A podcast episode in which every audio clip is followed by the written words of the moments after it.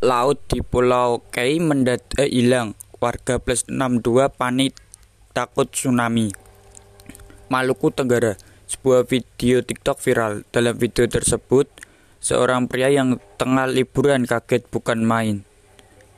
Video tersebut juga oleh akun Fahmi Habibi. Dirinya tengah berada di pantai Ohoidirtawun, Pulau Kei, Maluku. Saat itu pukul 15.30 waktu Indonesia Timur. Fahmi tengah berjalan ke pantai Ohoi Dertawun melihat pantai yang kering. Fahmi membuat video reaction untuk dibagikan di media sosial. Here laut lang ucap Fahmi. Dari video diketahui bahwa air surut sampai ke tengah laut. Sambil tertawa girang, Fahmi mencoba berjalan ke tengah laut.